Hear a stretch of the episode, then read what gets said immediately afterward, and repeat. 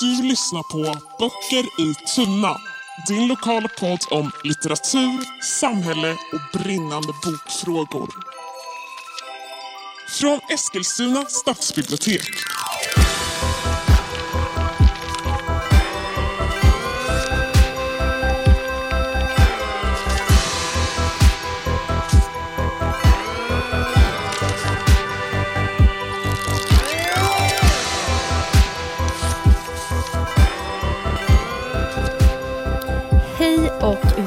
Välkomna till månadens litterära Eskilstuna-möte special. Vi här på Böcker i Tuna kommer att bjuda på ett litet specialavsnitt med fokus på en Eskilstuna-författare.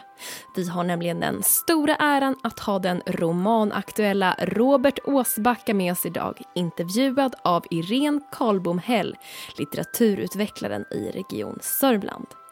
Robert Åsbacka är född i Österbotten, den svenskspråkiga delen av Finland och bor sedan många år tillbaka i Eskilstuna. Kistmakarna, som precis kommit ut, är hans tolfte roman sedan debuten 1988 och den utspelar sig faktiskt här i stan. Robert Åsbacka har fått flera litterära priser, både i Sverige och i Finland. Han har också undervisat i litterär gestaltning på Stockholms universitet och kommer sommaren 2021 att handleda unga inom projektet Platsens författare Sörmland.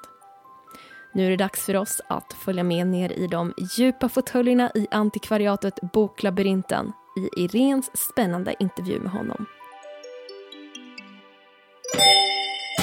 Månadens litterära Eskilstuna-möte. Vi sitter här på Boklabyrinten som är ett antikvariat i en källare i Eskilstuna och jag har med mig Robert Åsbacka. Och vi ska prata lite om eh, ditt författarskap och särskilt då den här boken som alldeles nyss har kommit ut som heter Kistmakarna. Eh, och den här eh, den utspelar sig här i Eskilstuna. Ja, det, det mesta i boken, inte, ja nästan allt i Eskilstuna. Sen är det lite utflykter till andra ställen Med i Sörmland. omnejd så här. Med omnejd, men, men alltså själva historien utspelas här i stan helt och hållet. Och Men man, man vår- känner ju igen en hel del. Ja, det borde man göra. Det, det, det är Eskilstuna. Och den inleds då dagen efter riksdagsvalet 2018. Roman, alltså huvudhistorien, romanen. Sen finns det lite utblickar, Lite små utflykter. utflykter ba- bakåt i tiden och, och sådär. Men, men alltså huvud, huvuddelen är här i stan under en, den här tiden, alltså 2018 och under regeringsbildningen som då följde. Den långa. Hur blev det så? Varför valde du Eskilstuna för? Jo, men jag, jag har gjort så med väldigt många av mina böcker. Att jag, där jag har bott så har jag, med en liten fördröjning så har det blivit så att eh, orterna eller platserna jag vistats på har sökt sig in i en roman. Och det betyder, alltså, dels för att jag har valt platser som betyder någonting, alltså som har någon sorts känslomässig betydelse, för då blir jag mer intresserad av det. Och sen är jag också att då har jag spelplatser som jag tar en, en stad eller en arbetsplats eller en, någon, en ort på något sånt. och så placerar jag in en historia där. Och det är inte så att jag skriver, försöker beskriva det som har hänt direkt, utan det, det är mer att jag använder det som en del i romanen. Jag, en, en roman dimper ner i stan så att säga. Så jag använder gator, jag använder hus, jag använder saker som folk känner igen och så där utspelar sig en historia som är, som är förstås fiktiv men som har delar av sånt som har hänt. Eh, jag tänker Eskilstuna är ju en gammal arbetarstad som har haft socialdemokratiskt styre väldigt länge. Eh, Sen allmänna rösträtten egentligen. Det har ju varit eh, ett socialdemokratiskt fäste sådär. ja. Och den här boken handlar ju ganska mycket om politik. Den, den, ut, den utspelar sig på något sätt under hela den här långa regeringsbildningen som finns i bakgrunden i boken hela tiden. Och på en speciell plats i Eskilstuna, ett ställe som heter Fark. Jo, den utspelas eh, huvudsakligen på Fark. Eller berättarjaget, Erik i boken, en författare som det en gång har gått ganska bra för, men han, han har liksom förlorat allting. Förlorat sin familj, alltså skilsmässa, flytta till en lägenhet, flytta till en mindre lägenhet och till slut flyttar han in på den här arbetarföreningen FARC. Där han har ett arbets, hyr ett arbetsrum. Så till slut bor han i sitt arbetsrum. Alltså när romanen börjar, då bor han i sitt arbetsrum på den här arbetarföreningen som sysslar med att utforska Eskilstunas industrihistoria. De har olika projekt. De driver en tidning, en e-tidning. Eh, och personerna som är i föreningen där då, som är vissa i arbetsmarknadspolitiska åtgärder, så bestämmer sig för att starta en studiecirkel som heter Bygg din egen kista. Och det här är då Erik med på.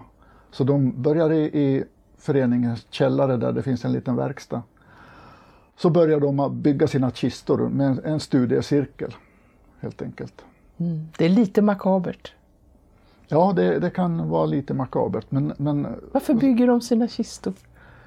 Någonting ska man ju göra. Mm. Och, och, som Erik säger, tänker där på ett ställe också. att alltså, Man kan göra mycket men det, bygger man en kista så vet man att den förr eller senare kommer till användning. Så det är ju praktiskt på det sättet. Sen är det kanske inte så praktiskt när man ska flytta. Man får alltid bära med sig kistan men, men det, det är det de fastnar för, att bygga en kista. Men politiken har en ganska, det är en ganska viktig bit av boken.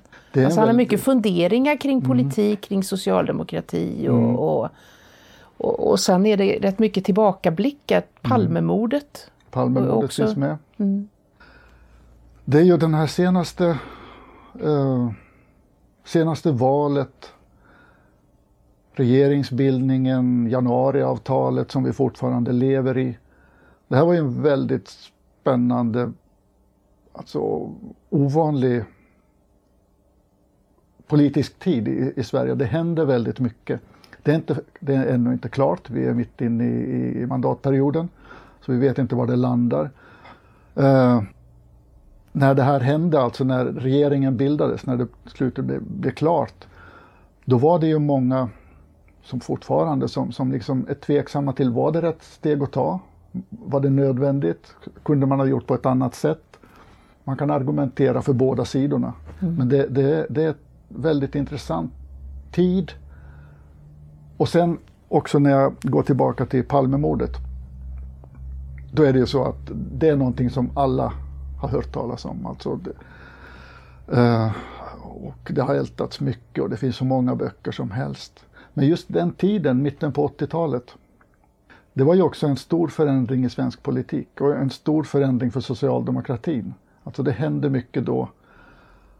Precis innan Palmemordet, någon månad innan, så var det den här avregleringen av, av kreditmarknaden som ha, något mindre känt än Palmemordet. Något mindre känt för, mm. ändå, men som hade väldigt stor inverkan på, på, på Sverige, på politiken och, och som, alltså det var ju där som grunden lades till 90-talskrisen där vi fick en jättestor arbets, arbetslöshet många kon konkurser.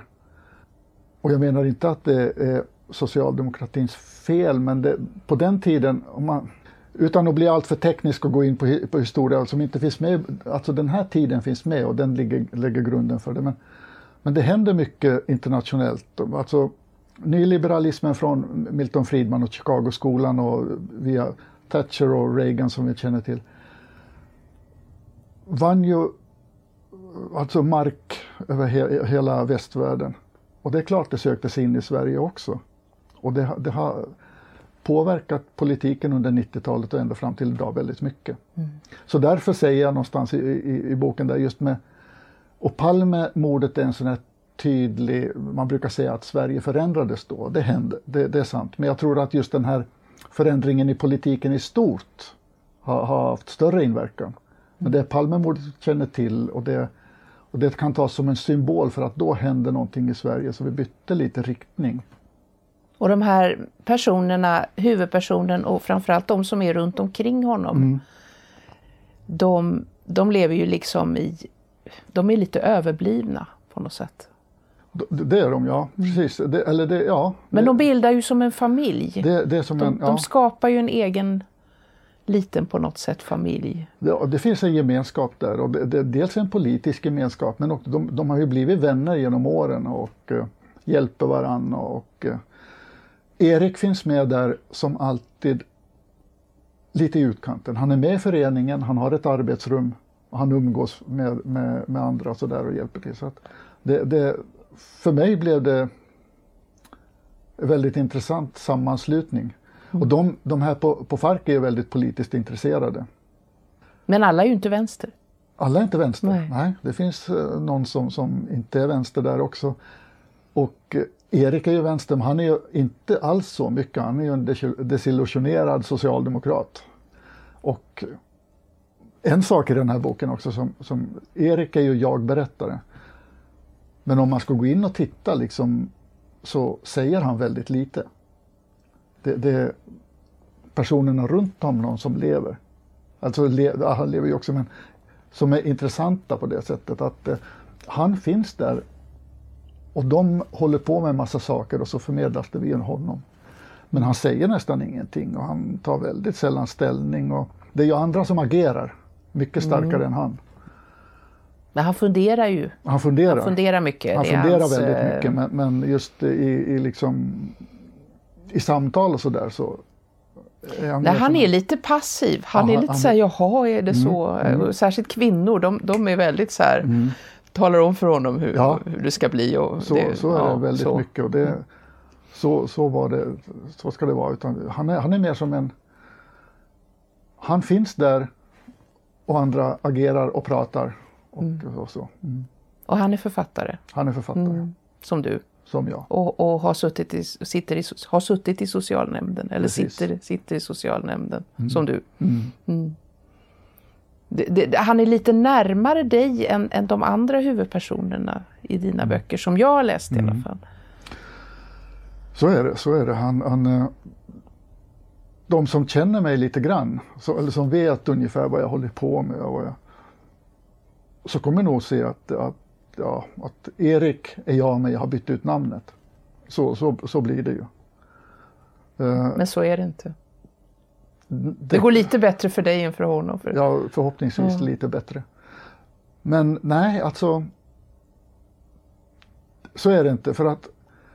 Och det säger jag inte för att skydda mig på något sätt, men det, det är ett faktum som jag har upptäckt sedan många, många år sedan tillbaka. att Ska man skriva en roman så duger det inte med, med att porträttera vanliga människor, inte ens sig själv.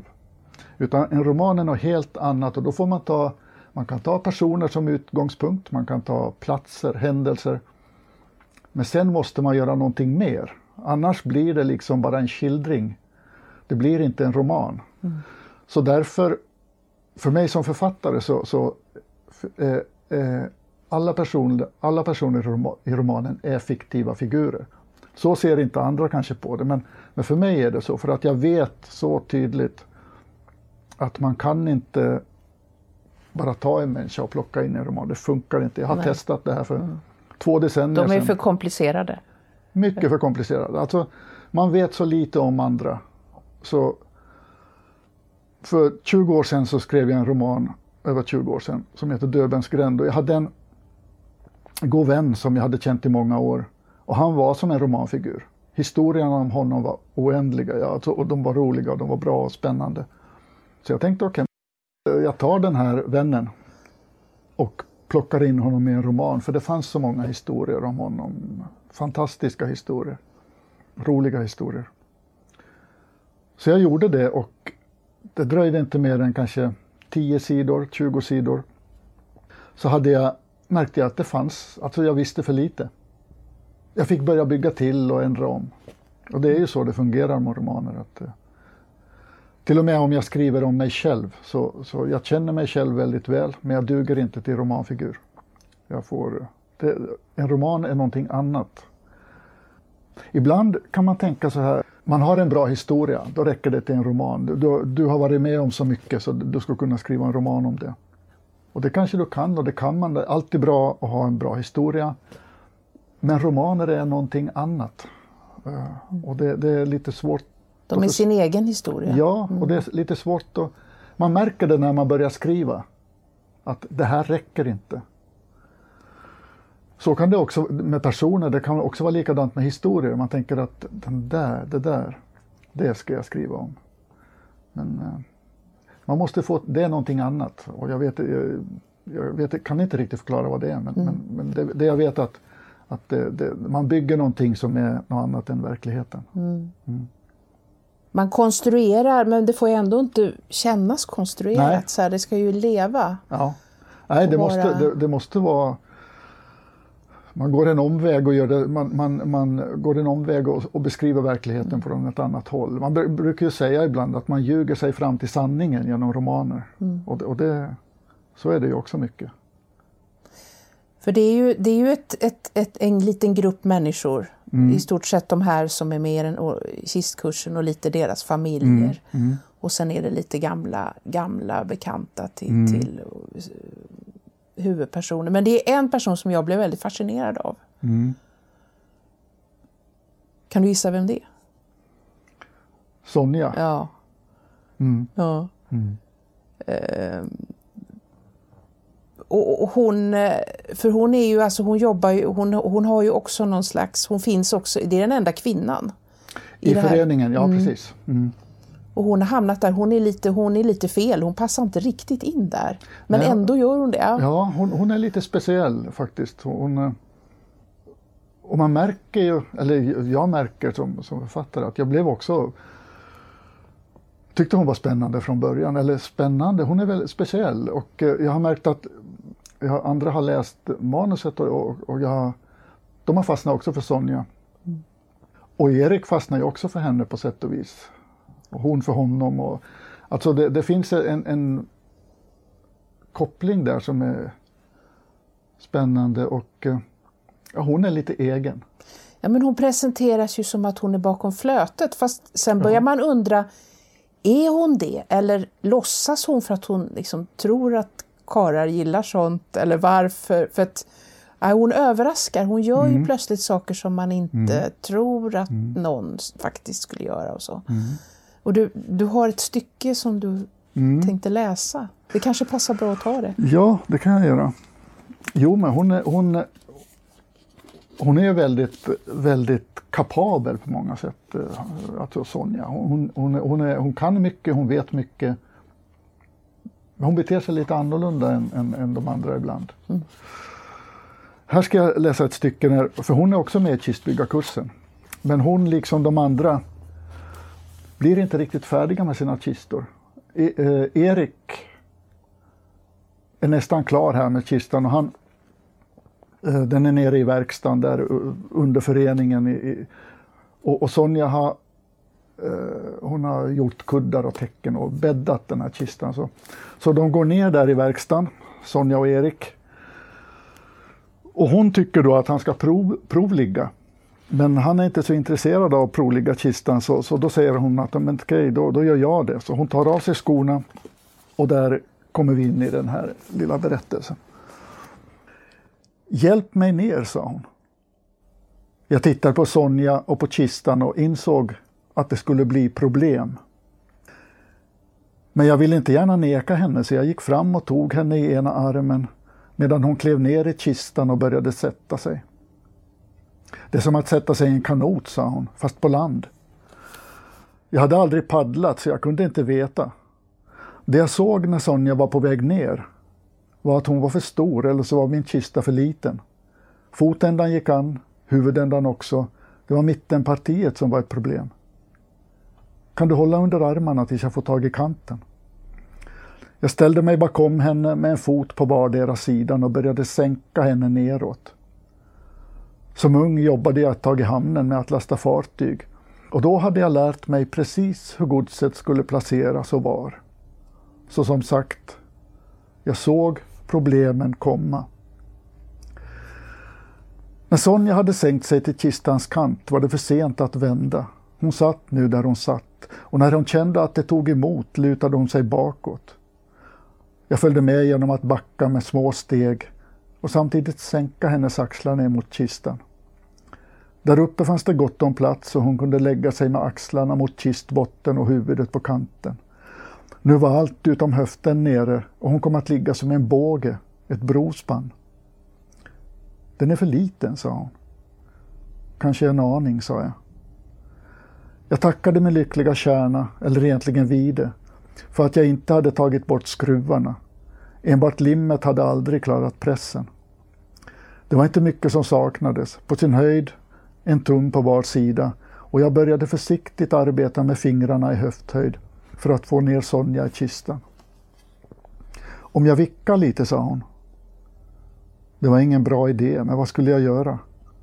Så jag sa visst och hon vickade från sida till sida och jag arbetade med fingrarna som när man trär ner en stor sovsäck i en alltför liten påse. Och centimeter för centimeter försvann Sonja ner i kistan tills hon slutligen låg på botten. Jag hade suttit på knä under tiden jag arbetade ner Sonja i kistan och nu hade knäna börjat verka. Jag satte mig och sträckte ut benen och började försiktigt massera. Sonja tittade upp på rördragningar och sprucken målarfärg. Händerna höll hon knäppta på magen. Efter en stund blundade hon. Kan du inte lägga dig bredvid mig, sa hon. Hon öppnade inte ögonen när hon talade. Det kändes lite märkligt. Som att bli tilltalad av en död. Bredvid? Ja, på golvet. Bredvid mig på golvet. Jag la mig på rygg bredvid kistan. Golvet var kallt, säkert också smutsigt. Vi gick alltid med skor där nere. Hör du? sa Sonja.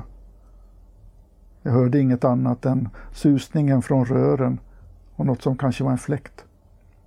Hör vad då? Guds andning, sa Sonja. Gud andas och väntar på oss. Hjärtat pulserar. Hela världens hjärta slår i samma takt, men vi märker ingenting. Vi bara finns här en kort stund. Sen återvänder vi. Vi är som solister som för ett ögonblick stiger fram ur kören och sjunger våra få toner och vi tror att de tonerna är allt. Vi sjunger dem som om det vore allt. Hon tystnade. Jag undrade om det verkligen var Sonja som talat, men det var hennes röst och orden kom ur kistan där hon onekligen låg. Men nu gör det lite ont, sa hon, i höften. Kan du hjälpa mig upp? Visst. Jag sa det, men jag visste att jag inte kunde. Inte med mindre än att jag välte kistan på sida och skakade ur henne. Och det ville jag inte göra. Jag reste mig upp i alla fall och under tiden funderade jag på hur det skulle kunna gå till. Sonja låg kvar i kistan och det såg ut som hon inte hade rört sig en millimeter. Höfterna pressade mot kistans sidor och hon sträckte upp händerna mot mig. Jag ställde mig gränsle över henne och började dra. Det hände absolut ingenting. Du måste hjälpa till, sa jag. Jag gör ju det, sa Sonja, men jag sitter fast. Du har gjort kistan för liten. Och där lämnar vi då. Mm. Vi får inte veta hur det går. Om hon tog, Nej, sig, då... hon tog sig upp ur kistan. Eller? Ja, precis. Ja. Men, men vad hände där egentligen? Ja, hon det hon sa när hon låg nere i kistan där, det, det avviker ganska mycket från vad hon annars säger i, i, romanen. Alltså sättet hon talar på och så, och så vidare. Eh, och det, när jag skrev det där, då, då, jag märkte ju förstås att nu händer någonting, alltså nu pratar hon på något annat sätt. Och man skulle kunna tänka sig att man stryker det och gör det konsekvent. Men jag vill inte det för att hon, hon har alltså det, det är ju ganska tydligt att Sonja har mer än det som den första anblicken av henne. Uh, och så jag lät det där vara kvar. Jag, jag, jag, det, var inte, det var inte planerat utan det, när jag skrev det där påbörjade hennes replik. Så då blev det den, det där som hon sa. Mm. Och uh, jag lät det stå kvar för jag, jag, jag tycker det ändå på något sätt så passar det in. Även om det avviker från hennes hur hon pratar annars mm. och vad hon säger. Hon, hon, är ju väldigt rak och hon är,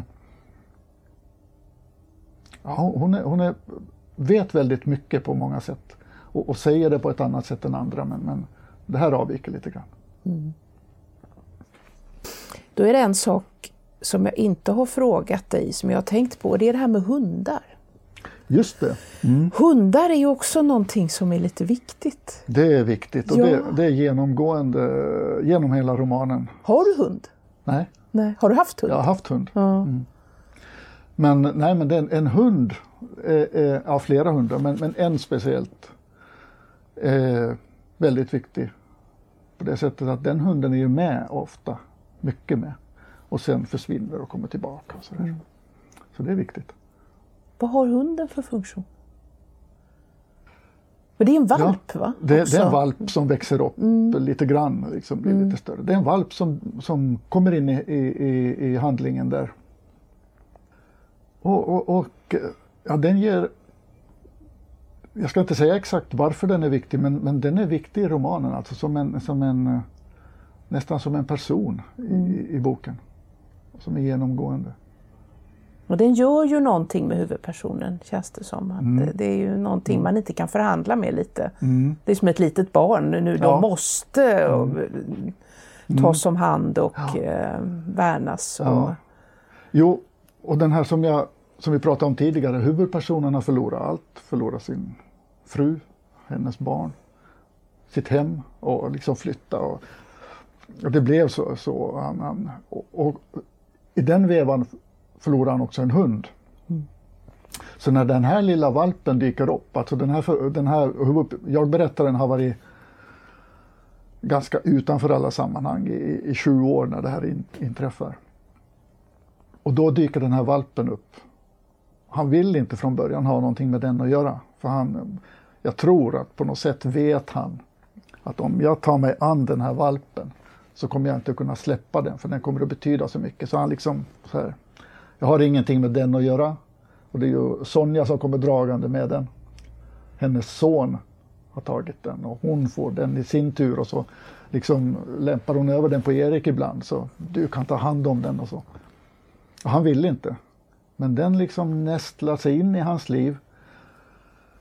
Och ja, jag kan, om man ser på det så, så, så är det ju faktiskt så att under den här perioden som romanen utspelas så tar han sig tillbaka på något sätt. Jag, jag skriver någonstans att han har varit i det grå så länge. Valpen är, är någonting som drar tillbaka honom till livet igen. Så, så han, motvilligt så kommer den in och han börjar engagera sig mer. Och den finns där runt omkring hela tiden.